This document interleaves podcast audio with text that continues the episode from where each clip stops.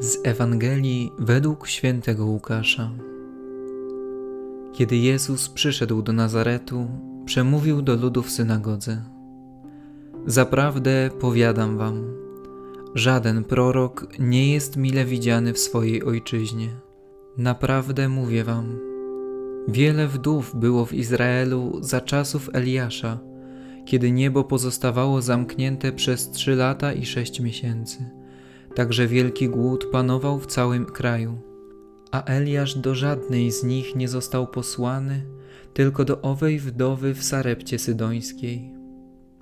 I wielu trędowatych było w Izraelu za proroka Elizeusza, a żaden z nich nie został oczyszczony, tylko Syryjczyk Naaman. Na te słowa wszyscy w synagodze unieśli się gniewem.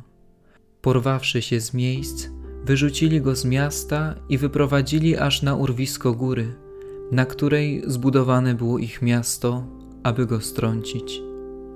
On jednak, przeszedłszy pośród nich, oddalił się. Chrystus zostaje dziś odrzucony przez najbliższych. Sam mówi o tym, że w swoim regionie nie jest mile widziany.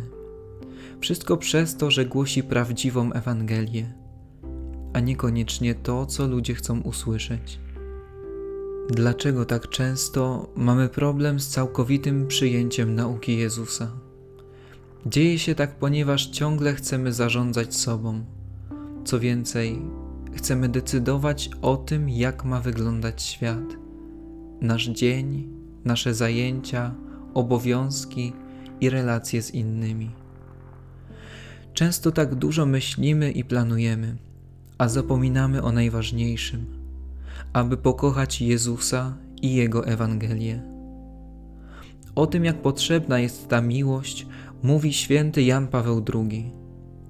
Ta moc, która płynie z Chrystusa, która zawiera się w Ewangelii, jest potrzebna, aby od siebie wymagać, by postępowaniem waszym nie kierowała chęć zaspokojenia własnych pragnień za wszelką cenę, ale poczucie powinności, spełniam to, co jest słuszne, co jest moim powołaniem, co jest moim zadaniem.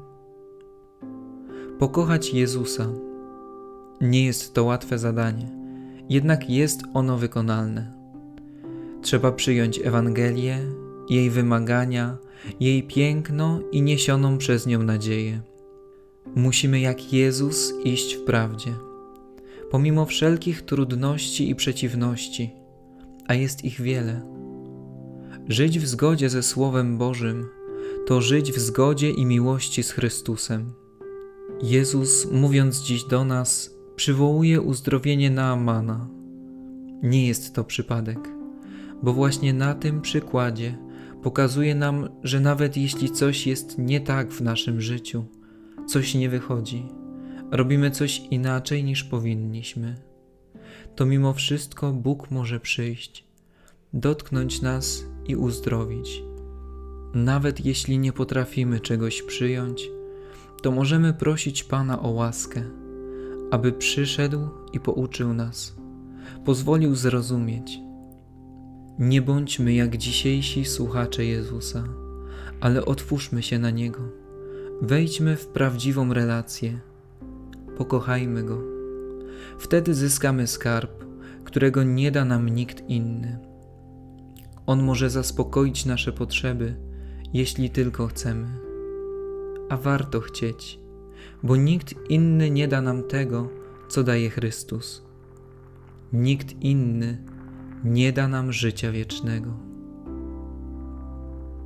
Zastanów się, jak bardzo kochasz Jezusa i pomyśl, co możesz zrobić, aby pokochać Go i Jego Słowo jeszcze bardziej.